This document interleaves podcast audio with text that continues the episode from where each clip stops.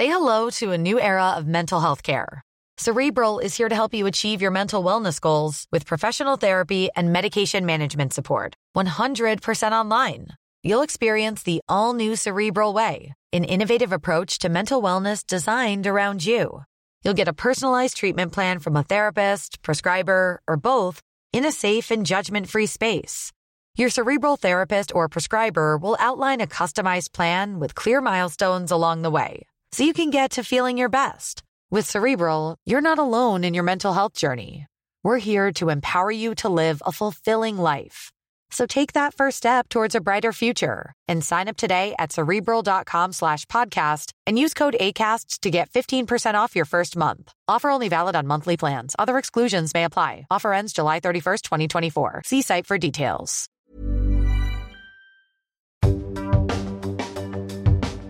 Ja, jag kommer ihåg att varenda vuxen man hade en pistol i byxmynningen.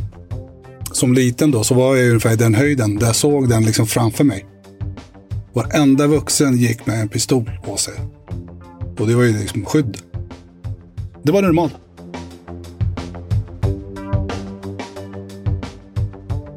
Jag heter Haysam Darwish och eh, är född i Kamishli. Eh, nordöstra Syrien då, som kallas för Rojava idag. Och min pappa då flydde till Sverige 1976. Jag var åtta år gammal. Och ett år senare så kom resten av familjen då till Sverige. Och vi bodde då först i flyktingförläggning då, i Flen. Hej och välkomna till podcasten Storyhood Doc. I den här podcasten kommer vi på Storyhood att publicera intervjuer, minidokumentärer och en del extra material från de projekt vi arbetar med. Nu sitter jag med min vän Haisam Darwich. Vi skrev tillsammans boken Dörrvakten som finns på Storytel i tio avsnitt. Den handlar om, eller du kan berätta själv, vad handlar Dörrvakten om? Ja, det handlar ju om eh, mig då som, där jag jobbade i, bakgrunden. Kan man säga. Inte som en vanlig vakt då man står och kollar lägg och kastar ut fylla. Utan mera ta hand om de värsta. Och det gjorde man ju lite i skymundan. Alltså en vanlig gäst som går in och har kul, han kanske inte uppfattar. Eller tänker på att det finns något sånt. Uh, för att det sker liksom lite i, ett annat rum eller i en port eller. Eller kanske i telefon eller beroende på. Men jag såg till att det blev att gästerna hade det tryggt.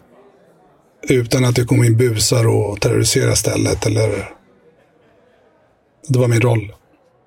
Och det gjorde jag ju i många år. Ja, I tio år ungefär. Och det, då jobbade du också under en väldigt speciell tid som vi berättar om i, i boken. Där Sverige gick igenom ganska stora förändringar. Man kan säga att på riktigt, på de här riktiga stora ställena. Mm. Jag började på Café Opera eh, 1993. Och där var det ju då att, det var precis det här att man bytte från typ handbollsspelare i dörren till kampsportare och så vidare. Va? Man kan säga att då började Stockholm förändras. Kriminella kommer och hotar vakter och, och så vidare. Och då tog man ju kontakt med mig. Jag hade vänner som jobbade där. Och tyckte att nu, nu får du komma, för det här, alltså de var ju rädda. De, de blev ju tagna på sängen kan man säga, för det gick ju så fort. Och hoten var ju inte liksom, ja, du ska få stryk eller utan det var vapen, det var ju handgranater och de skulle skada dem efter jobbet. Så att... det, det, var, det var under en tid när, när det var ju ekonomisk kris i Sverige. Precis. Det var liksom kriminaliteten fick ett annat ansikte. Eh, och, och, som dörrvakt så blir man ju ett, ett ögonvittne till de här förändringarna. Man ser ju hur, hur samhället mår. Eh, på krogen väldigt mycket. Mm. För du fick ju en väldigt speciell roll. Eh, där du hanterade de allra värsta eh, klientelet. Mm. Upp i bakgrunden. Mm. Men då undrar jag, vad, vad, varför tog du den rollen? Hur, hur kan det komma sig? Vad är, vad är det för, för galning som tar en sån, sånt uppdrag? Ja, det, ja, ska man säga. Ja, mina bröder jobbade i dörren innan. Uh, och jag halkade väl in lite grann och egentligen så började jag jobba lite tidigare på Kolingsborg. Mm. I Slussen där. Den där gula gången där. Så nu, nu är borta? Alltså nu är borta, mm. ja. Och där hade de fester varje helg och det var en vän till mig som hade själv, alltså hand om säkerheten.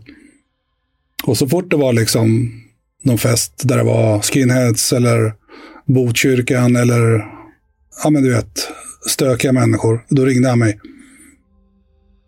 Men jag hade väl lite rykte tror jag, att jag redan i unga ålder att jag kunde liksom ta för mig och vara orädd. Men ja, för mig var det liksom, det var inte så att jag njöt. Utan det var väl mera, vad ska man säga, jag, det var min grej. Alltså det var jag, jag var rätt person om man säger. Jag var naturlig i den rollen. Och uh, jag kände det bra. Hur, hur, gammal var du när du kom till Sverige? Jag var nio. Åtta syskon. Jag är mellansyskon då. Äldsta brorsan var ifrånvarande. Mm. Och då var det då min roll. Mm. Det blev naturligt att det var jag som liksom fick se till att familjen då var intakt. Att ingen skulle spåra eller ja, jag höll i tryggheten om man säger.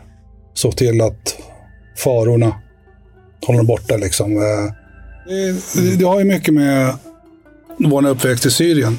Mm. Det var väldigt oroligt. Det var ju krig precis och eh, efter kriget och så. Krig mellan? Eh... Israel och araberna. Israel, eller Syrien var delaktiga. Mm. Och eh, vi bodde i nordöstra Syrien. Som är det, det kurdiska, kurdiskt dominerande? som kallas för Rojava idag. Just det. Och där var det mer eller mindre laglöst. För att eh, den syriska myndigheten eh, struntade i den delen av landet. Då det var kurder, syrianer, assyrier och blandat. De koncentrerade sig mest på sin egen del om man säger. Och sen hade de en fiende då, Israel. Så de lämnade oss lite i sticket. Så det var ju laglöst och i och med det så blir det att man får ta hand om varandra. Och då blir det kanske också att um, det blir en starkes rätt som gäller. Ja. Som då ni växte upp med, ett sånt ja, klimat. Där, där det gäller att vara stark och stå upp för sig själv för att kunna överleva helt enkelt, eller klara sig. Eller? Ja, jag kommer ihåg att varenda vuxen man hade en pistol mm. i byxmynningen. Som liten då så var jag ungefär i den höjden där jag såg den liksom framför mig. Varenda vuxen gick med en pistol på sig. Och det var ju liksom skydd. Det var normalt? Det var normalt. Ja. Eh, för det finns ju inga polis att prata om. Det var ju korruption liksom. Jag menar, har du pengar så betalar du för, för skydd eller betalar ur situationer. Så så var det att växa upp. Så att det var väldigt krock. Du var i den positionen i syskonskaran att du helt enkelt att du blev det naturligt som fick, ja, det, fick eh, det bara ta hand om problemen. Där. Exakt, det var ingen som sa till mig nu måste du göra si eller så. Mm. Utan det var naturligt att det var jag. Mm. Så blev det och, uh, och så hamnade jag i krogsvängen som sagt och fick den rollen. Mm. Det, det, här du berättar om er bakgrund och er uppväxt i Syrien. När, när det var normalt att alla vuxna män hade pistol till exempel och sånt. Mm. Eh, och att det är en starkes rätt som gäller liksom om man måste ta hand om varandra inom familjen och så vidare. Det gör att man tänker på vissa av det som debatteras idag som med klaner. Liksom. Mm. Eh, och, och, även det här med, med kriminaliteten som vi ser i förorter och sådär. Va, vad gör det med en, eh, beskriv krocken där. Du var nio, mm. Johan var då? Han var elva. Tolv, tolv, tolv. Elva, tolv, mm. ja. I en ganska känslig ålder liksom. Ja. Börjar bli tonåring lite grann sådär. Exakt. Den krocken, den kraschen liksom, att komma till det från det till det svenska samhället. Ja. Vad, vad, vad gör det? Eller vad? Nej, men alltså, om man ska jämföra Sverige med Mellanöstern på den tiden, även idag, med krig och så. Det är ju klanerna som... Alltså du måste ju ha, tillhöra en klan för att klara dig. Det fanns inget polisväsende, alltså det fanns inget... Du kunde inte förlita dig på att få hjälp av polisen eller... Eh, det, det var ju liksom din familj, dina släktingar, alltså en stark klan. Och när man flyttar till Sverige, då har man ju den strukturen kvar. Och att det är familjen som ska liksom, det är de man litar på. Så har det varit och det är så för många som kommer hit. Jag menar, eh, säg Pakistan, Indien, mm. Afghanistan. Den är kanske starkare än vad det är i Syrien kanske. Det måste bli en väldig krasch. Det blir det. Där, där man eh, kommer från ett ställe där man inte kan lita på myndigheter, poliser eller någon, någon alltså staten överhuvudtaget. Tills att komma till ett ställe som Sverige där, där det är väldigt mycket att staten ska ta hand om dig. Ja. Eh. Vi, vi hade en klok pappa. Och eh, när vi kom hit så hade han ju sagt att vi ska bo bland svenskar. Och han sa till oss att språk är makt. Och eh, vi ska vara tacksamma mot det här landet som har tagit emot oss. Så länge vi lever. För alternativet hade varit att vara kvar där nere, hoppa in i krig. Eftersom vi är kurder så tyckte väl farsan att det inte är vårat krig. För att, eh, ja. Alltså det är Syriens krig? Ja, eftersom vi var då utstötta, man säger. Kurderna var ju, eller de är det fortfarande. Och vi hade inte rättigheter på det sättet som syriska araber eller... Men uh, de såg väl oss som ett hot. Mm. Och då kände man inte liksom någon solidaritet med landet. Så min pappa var ju väldigt liksom, politiskt aktiv och sådär, så han, han fattade ju det där. Liksom. Och eh, ville inte att vi skulle hamna i krig som inte var vårat. Och flyttade till Sverige då. Berätta om ditt första minne av Sverige. Det första jag lade märke till när jag kom till Sverige, förutom det när vi satt på planet då. Jag blev fascinerad av blonda människor. Men när vi klev av där äh, på Arlanda. Det första jag ser när vi kommer ut då. Det är ett gäng punkare. Med tuppkam och skinnpaj och ring i näsan och sådär. Då tänkte jag. Vilken planet har vi hamnat i? Det, kändes så utomjordisk. Det, den har satt sig fast i mitt huvud. Men sen hade jag också tankar om uh, Sverige innan vi kom. För jag hade lite research där liksom att Sverige hade kronan som valuta. Man hade en kung och drottning. Och, eh, och att det var väldigt rent här. Det var liksom rent. Mm. Och det var så här, husen var som dockhus och, och att det var att det var tryggt. Stämde det när du kom? Ja, det tycker jag. Jag tycker det. Vi blev väldigt väl mottagna. Sverige då var ju, det var ju rena paradiset. Det går inte att jämföra med idag, men eh, det tycker jag. Har du någon minnesbild av eh, livet på flyktingförläggningen? Ja, ja. ja vi bodde ju då, det var ju sådana baracker, eller det var ju sådana, ja. Vi bodde i en lägenhet där och eh, med massa andra då, flyktingar från Syrien. Jag kommer ihåg att jag såg eh, första hockeymatchen där.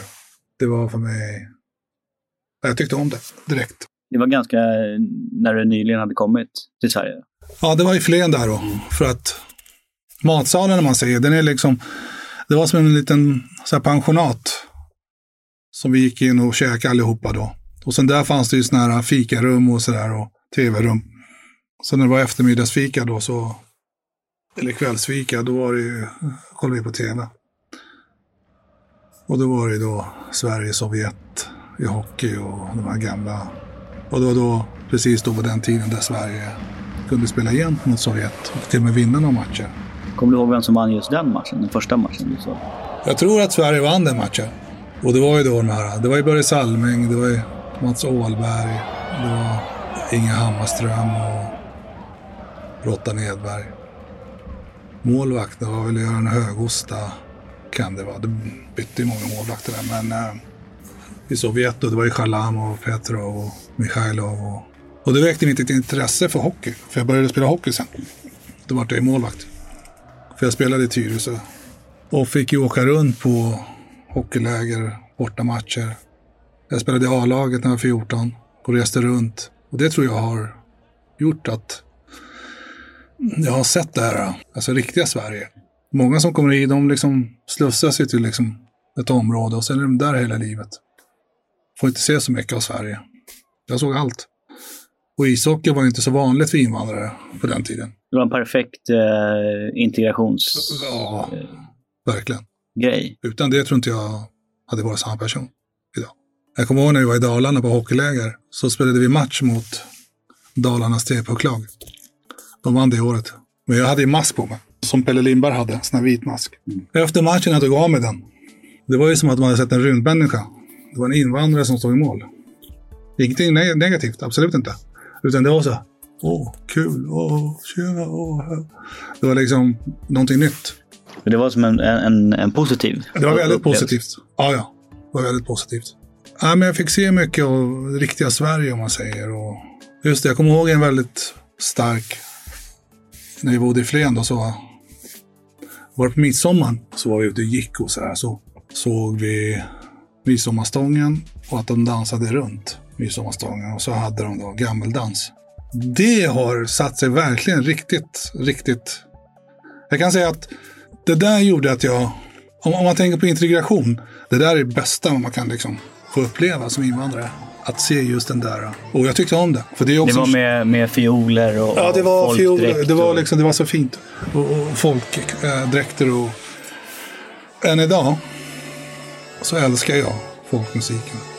Och eh, jag älskar även eh, dansmusik, får det heta. Mm. Jag får inte säga folkmusik för frugan. Mm. Och när det är dans, det är de här vikingarna och mm. Mm. Sven-Ingvars och det här. Älskar det. För det påminner också om när vi kom till Flen. Mm. Då fanns ett ställe där, om man säger så här, dansställe då. Det var inget diskotek för att det var väl mer dans. Mm. Som hette Amazon. Och där var det alltid så här högtalare ut. Med ABBA och det var liksom... Ja, det älskar jag idag. Och det kan jag bli lite redad för. Frugan då som, som är då svensk. Dansk. Att jag som invandrare är mer svensk än vad hon är. Men hur, hur, ser du på det där? För att det finns ju många idag som säger att Eh, nej, man ska inte pracka på invandrare svensk kultur. Det finns till och med de som säger att, att det inte finns någon svensk kultur och, och sådär. Vad, vad gör det med integrationen? För du sa ju precis att det var det bästa du kunde uppleva, liksom, att få det där. Jag tror att det är det folk vill när man kommer hit. Och får man se då svensk kultur? För svensk kultur är väldigt, alltså jag, jag förstår inte vad, när de säger att, de inte har, att det inte finns någon svensk kultur. Är det någonstans i Norden som jag tycker är så stark, ändå, så är det Sverige. Sen att man firar 17 maj i Norge med pompa och ståt och här i Sverige gör man inte det. När det är svenska nationaldagen tycker jag är konstigt. Uh, men det, det, gör ju inte heller att Norge är mer nationalistiska eller än vad Sverige är, tvärtom. Mm. Jag tycker Sverige ska liksom, det lär man invandrare som kommer hit svensk kultur, tradition. Det är det bästa de vet. Och då vet man. Men vet man inte när man kommer hit, nej men då blir det som det blir. Så kommer någon filur och säger nej, jag ska inte pracka på dem.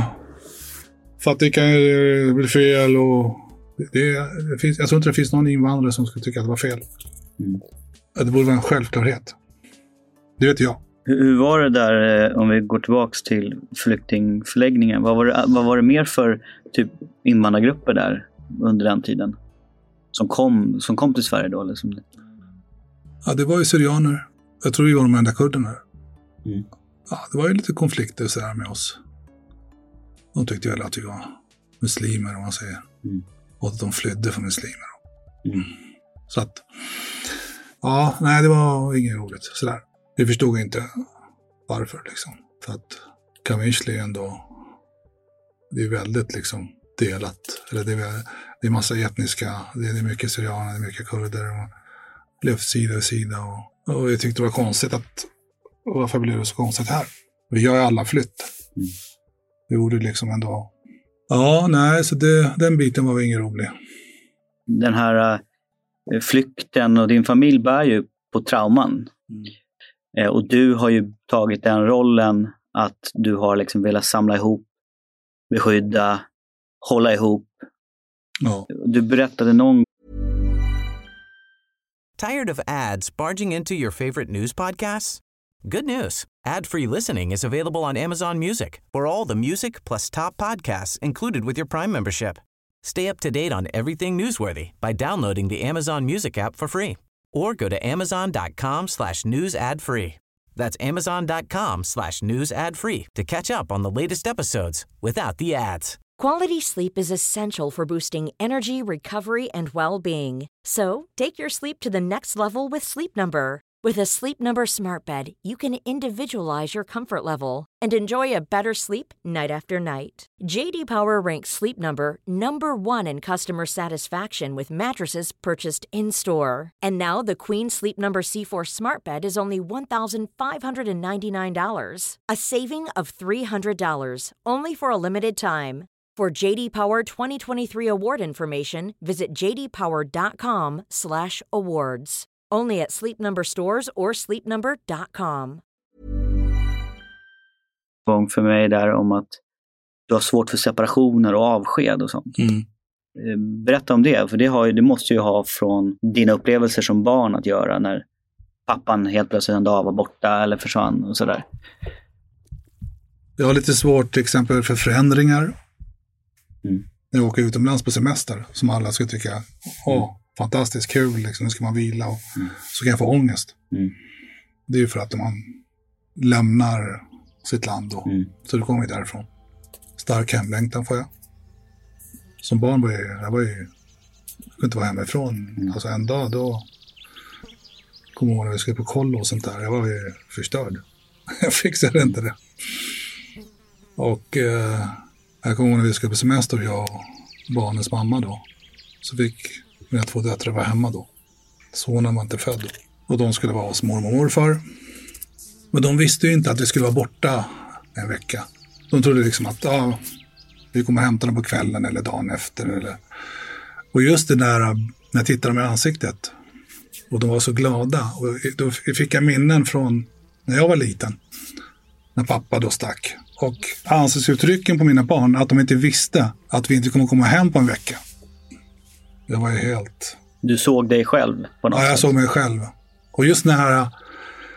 Hade de vetat att jag skulle bort en vecka, då hade de säkert blivit ledsna. Och inte ville vara kvar där. Men just den här ovissheten, att de inte visste och de var ändå glada. Och liksom, när kommer vi tillbaka? För det kommer ju komma efter ett par dagar. Vad är pappa? Vad är mamma? Jag kom på väg till Arlanda när jag satt i bilen. jag satt och bölade som ett litet barn. Mm. För att just det här äh, separationen då, att pappan åker iväg. Min pappa då först och sen så när vi åkte. Det är ju trauma från separationen liksom. Först då pappan Mm. och sen så åker man ju från sitt hemland. Mm. man säger. Det där är någonting som präglar människor under hela livet Mm. på olika sätt. Det, kan ju, det är ju väldigt starka krafter och som för många kan bli liksom destruktivt. För andra kan det bli en, en liksom känsla av ökad behov av trygghet. Och det pratar man mycket om, så här, liksom erfarenheter av att fly eller liksom byta liv eller någonting sånt. Det tar ju kanske en generation att komma över. Ja, ja, visst. Minst. Vad tänker du kring det med hur det är idag? Liksom? Det är väldigt många som bor i Sverige idag som har liknande berättelser. Mm. Som på något sätt har, ja, ja, be- behöver hjälp. Ja, så är det ju. Jag var ändå nio år när jag kom hit. Det har ändå funkat för mig då. Mm. För det är väl gräns där någonstans. Din bror var ju några år äldre. Ja, mina bröder var ju äldre. I en mycket känsligare ålder där. Du var ju precis kanske innan. Ja, det var, det var väl 11, 12 och 15. Min äldsta brorsa har tagit mest liksom. Han hamnade i missbruk direkt liksom. Och eh, det var inte först för några år sedan jag tänkte. Det måste vara traumat från att man kom till Sverige då. Från att man liksom, för han var ändå 15 år. Mm. Man är ju nästan, man är ju vuxen. Mm. Och då tänkte jag, han måste ju liksom bara gått in i dimman. Mm. För att glömma, alltså för att, för att han vill inte vara i verkligheten. Så måste det ha varit. Och sen då en som, eller han som är yngre då, var jag också lite splittrad. Mm. Hade några fina vänner och så några, om man säger busar då, som Mm. vänner. Det var hans två olika personligheter. Det fina och sen det, Mm. måste jag säga. Det mm, svårt att förhålla sig till på något sätt. Ja, jag vet inte om det är hans personlighet eller om det blev så när vi kom hit eller så att alla har... Hur reagerade på han på när er pappa försvann och hela den, det uppbrottet? Kommer du ihåg det? Ja, jag har ju frågat han efteråt. Då när jag var åtta år när pappa drog så mycket i mig själv. Mm. Jag såg inte så mycket vad andra, hur de andra betedde sig. Eller, förutom då att den äldsta då ska ju vara mannen i huset. Men han var inte tillräckligt gammal ändå för att vara man så, men han var ändå tvungen att ta den rollen. Mm. Och man visste inte riktigt hur han skulle kunna göra det på ett Nej, balanserat sätt. Eller vad säga. det kunde ha gått väldigt illa där för att han, eh, för där nere då så måste man ju ha en stark familj för att liksom överleva om man säger. Och hans sätt att reagera blev ju att han var ju jämt aggressiv. Det var hans sätt att liksom visa att han håller borta. Mm. Och det blev ju inte bättre av när vi kom hit heller. Med missbruk och allt det där. Men där tycker jag liksom att när man kommer hit, det här med integration och i många fall är det krigsskadade människor som kommer. De blir inte hela bara för att man kommer till ett, ett land som Fint Sverige. land, liksom. Ja, fint land och liksom. Det kan snarare bli liksom ännu värre. Mm. För att det är väldigt kontrast mellan, jag menar, det är två olika världar. Från kaos och krig till trygga Sverige om man säger då. Allting är liksom ordning och reda och så vidare. Va? Det blir en krasch. Det blir en krasch. Det blir en krasch. Och eh, det är då man inser om man är knäpp eller inte. Va? Eller om man är, det är något fel på mig eller om det är... Då märks det så uppenbart. Mm. För där nere var ju liv och död var ju alltså på samma nivå. Mm. Du, du kunde sniffa döden. Du kunde liksom känna döden där. För att det var närvarande.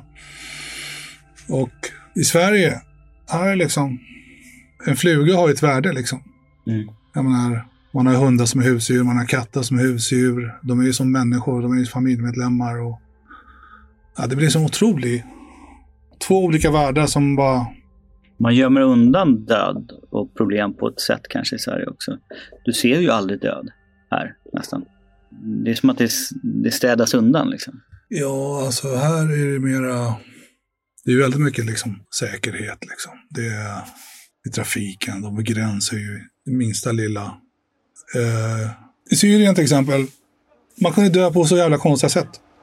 Så ologiska sätt. När som helst. Och bara liksom, det händer ju inte i Sverige på samma sätt. Här kan ju inte ramla ner för ett hål i marken som är så här 100 meter långt ner. Eller att en bil kommer flygande från ingenstans när du sitter på ett ställe där du kan aldrig föreställa dig att liksom ska komma en bil eller att eller taket ska rasa eller, eller en vägg rasar. Eller, Eller det uppstår en kom, plötslig konflikt och så alla är beväpnade. Och, precis, helt plötsligt skjuts det från alla håll och kanter. Du kan få kula i dig. Bara att du sitter och... En bomb som kan brisera när som helst. Och du vet inte liksom. Men här är liksom... Om du flyger ner en istapp. Då har den markerat liksom. Ah, gå inte för nära väggen och hej och sådär. Så, ja, men, så, sånt där har de inte i Syrien liksom. Eller här är en grop. Mitt i vägen när du kör bil. Att det är markerat eller här, att de spärrar av den vägen för att ja, det är farligt här. Liksom. Utan du bara kör och sen oj. Han är borta liksom. Ja, men ja. Men, men den där eh, den konflikten måste ju vara jättesvår. Just att, den här kontrasten. Det måste ju vara jättesvårt, eh, som du har pratat om också. Vissa personlighetstyper, vissa åldrar. Det måste vara jättesvårt att förhålla sig till. Är vi för inlindade här i Sverige? ja, på gott och ont. Är man liksom, som man kallar det för, skyddad verkstad. Då är man liksom trygg inom verkstaden. Folk liksom måste våga sig ut lite mer utanför. Mm. Den här, liksom. Världen är mycket mer än så. Man måste liksom utvidga sina vyer och man måste se liksom världen mera än bara typ om man bor i Danderyd eller Värmdö eller... Men det är även där i krock. När man kommer därifrån så är du liksom... Där är verkligen inte skyddad verkstad. Då är liksom verkstaden hela världen. Och de är väl medvetna om vad som händer i hela världen. De är väl medvetna om politik och allt det där. Jag menar, vi visste ganska mycket om Sverige redan då. Fast jag inte visste vad Sverige låg på kartan eller vad det var för något. Utan man hade de här, ja, liksom den bilden man hade om Sverige, det var liksom att man kom till, åkte till Mars. Så långt var det. För jag kommer ihåg folk när de pratade om Europa på den tiden. Det längsta de kunde sträcka sig till, det var ju till Tyskland. Tyskland, alltså det var så här, ja men då är det typ jordens ände. Och sen eh, Sverige, vad fan, var ligger Sverige? Shit, det måste ligga en annan planet. Och, eh, och vi visste ju inte hur långt, när vi flög, alltså hur långt är det till Sverige? Hur nära är det till Sverige? För vi hade ju, jag vet inte. Liksom. Kommer du ihåg vad, hur, vilken rutt ni flög? Mellanlandade ni? Ja. Vi landade i först i Aten. Mm. Så mamma då, hon försökte få storebrorsan att gå och fråga liksom. Ni är ju ganska många då. Då Ja. är ni totalt alltså mamma och... Och sju barn. Ja. Lillebrorsan föddes i Sverige då. Men vi var sju och den yngsta var ju två då, var ju hennes famn. Men hon frågade storebrorsan, du kan inte du kolla liksom, fråga om vi har kommit fram eller typ. Ja, han- var ju flygrädd så att han vågade inte. Ja, han satt ju fastfrusen vid sin stol där. Så bara, ja, ja, skitsamma, men vi sitter väl kvar och så är det någon som kommer och säger till då ifall vi slog av det inte. Nej, men då satt vi kvar där och sen så, så åkte vi vidare och så var det liksom lite längre då. Och då kom vi till Köpenhamn. Och då tänkte ju mamma, nu måste vi ha kommit fram. Så frågade hon brorsan igen då. Ja, men gå och fråga nu sådär liksom. Nej, nej, liksom. Han vågade inte. Ja, så såg vi hur folk bara kliva av. Det var bara vi kvar. Så kom en flygvärdinna och pratar och pekar och fixar och, och menar på att vi skulle följa efter henne då. Så det gjorde vi då, som en ankfamilj så här. ja, sen när vi kom till själva foajén då, där bad oss. Hon, hon pekade och att vi skulle sitta här och sen en timme peka på sin klocka och så pekade hon då Stockholm där. Okej, ja, det fattar vi att vi inte framme liksom. Och sen åkte vi då, kom vi till Arlanda och då stod ju farsan där och väntade. Och det var ju också, det var ju helt... För man tänker som barn när pappan reser iväg att vi kommer aldrig få se honom mer. Att det var en dröm. Men när han stod där, det var liksom, ja, vi bara kastade oss på honom och grät som, tänkte så här, sju ungar står och Överallt. Ja, precis. Jag hängde på hans byxor och... Ja, nej, men eh, det var fantastiskt. Hur förändrades din, din mammas och pappas relation av det? För det måste också vara en jätteskillnad även för dem. Den här dynamiken från det här äh, väldigt tydliga liksom, där nere till Sverige. Man får olika roller. Din pappa kanske hade lärt sig lite svenska redan och du vet sådär. Ja, ja. Min pappa hade ju... Han är en väldigt social person, eller var. Och hade lätt för att liksom få vänner och knyta kontakt, bli omtyckt. Mm. Jag kommer ihåg när vi var i Syrien så hade han skickat en tidningsurklipp. Där han satt med dåvarande, jag vet inte om det hette invandrarminister på den tiden eller integrationsminister. ja, jag tror att det hette invandrarminister. Ja. faktiskt. Ja. Då han satt med henne då. Mm. Hon hette, han kallade henne för fru Mogård. Vad handlade artikeln om?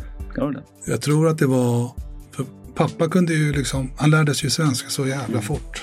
Han, han kunde skriva, han skrev ett brev efter, tror det var två månader. Alltså jag har läst brevet för inte så länge sedan. Mm. Det är helt otroligt. Han var ändå över 40 när han kom hit.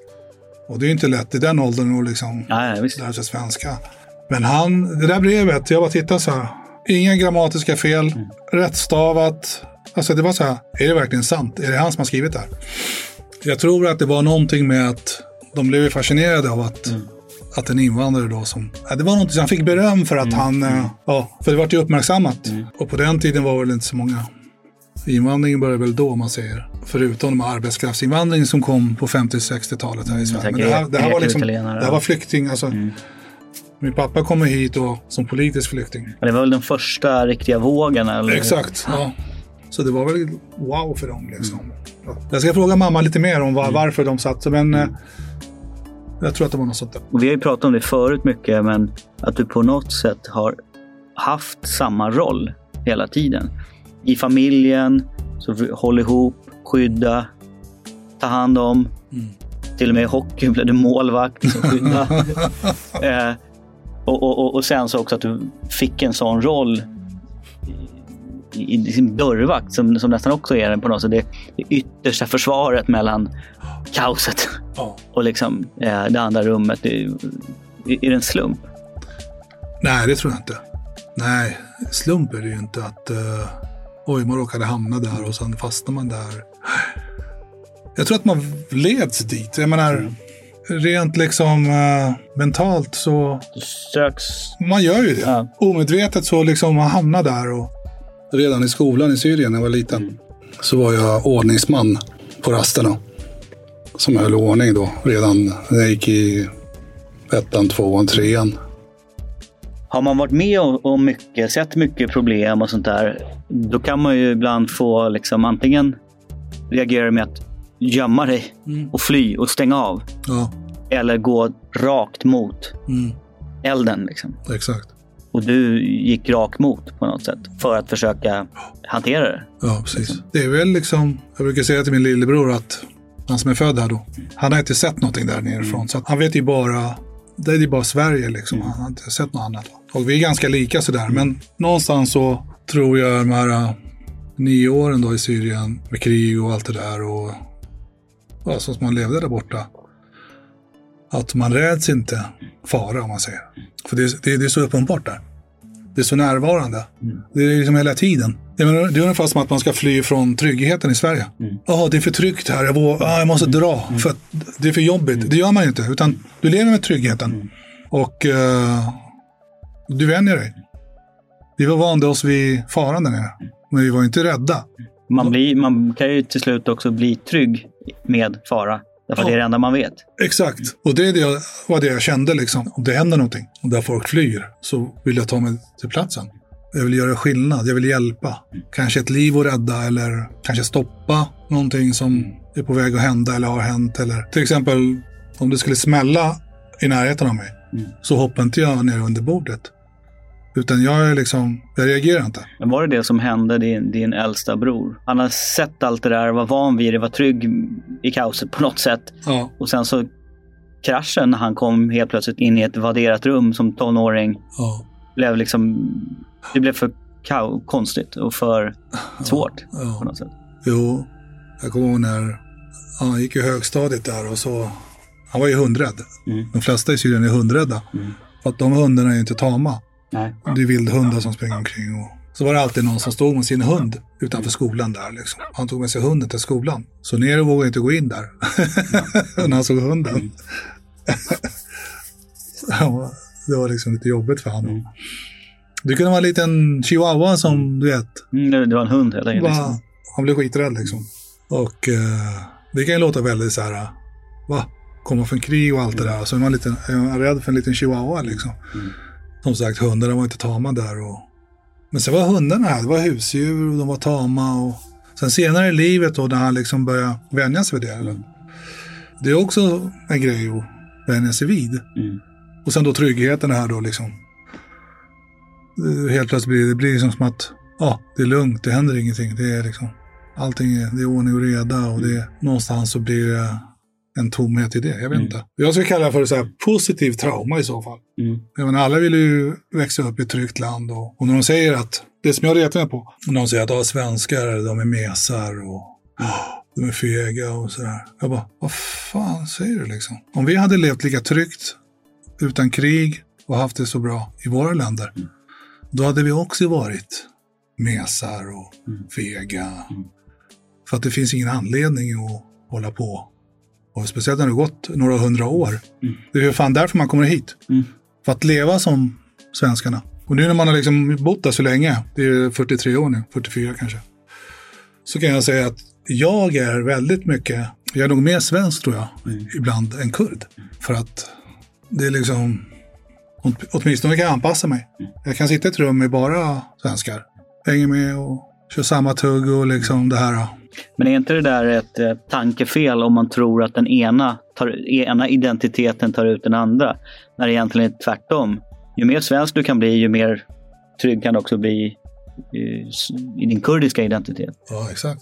Jag, jag tycker att de som inte kan kombinera, eller vill kombinera, det är korkade människor. För problemet är ju snarare tvärtom. Om man tittar bland för de unga som hamnar jävligt snett idag ute i förorter och sånt. Det är ju att de inte tillhör någonting. Exakt. De är, de är inte trygga och hemma i, i sina föräldrars kulturer och inte i den svenska. Nej. Och då blir det väldigt farligt. Då blir det farligt, för då måste man typ välja sida. Mm.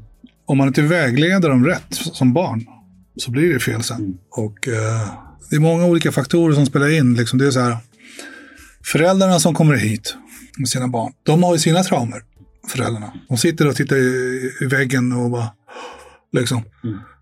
Medan barnen då egentligen växer upp av sig själva. Och sen när barnen växer upp och, och föräldrarna då inte kan så bra svenska, då blir det krock där. För jag menar, ta med sig föräldrarna till föräldramöte, kvartssamtal, eller de ska skriva under någon lapp som man tar med sig från skolan. De vet inte vad det står. Man kan lura dem liksom hur lätt som helst. Ja, din son, han är en sopa, han är analfabet liksom. Han skriver på här. Så kan man liksom, här är farsan. Nej, det står att jag är skitbra i skolan och grejer. Åh, vad duktig du är min son. Så skriver de på. Så att, då blir det krock där. Och då tycker barnen då sen att, fan farsan är korkad. Äh, skit i honom. Han vet ju inte liksom. Det blir en splittring liksom. Ja, och så växer de upp lite mer och så blir den där sprickan ännu större. Och då blir det frustration hos farsan. Utanförskapet blir inte bara att han är utanför samhället, utan även hemma. När barnen ser ner på sin farsa, då blir det ju liksom Någonting blir rubbat liksom. det blir väldigt, väldigt konstigt. Och det är inte så att barnen mår bra av det. Att, Nej. att någonstans måste man ju ha en förebild. Om farsan inte är förebild längre, ja, vad tittar man då? Åh, han som kör med en BMW och guldkedja och Rolex. Fan, han är en cool snubbe liksom. Så där ska jag bli. Och så blir det bara fel.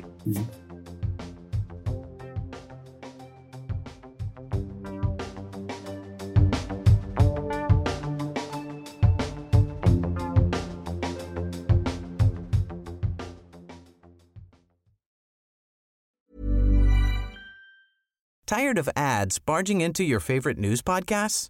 Good news. Ad-free listening is available on Amazon Music for all the music plus top podcasts included with your Prime membership. Stay up to date on everything newsworthy by downloading the Amazon Music app for free or go to amazon.com slash news ad free. That's amazon.com slash news ad free to catch up on the latest episodes without the ads.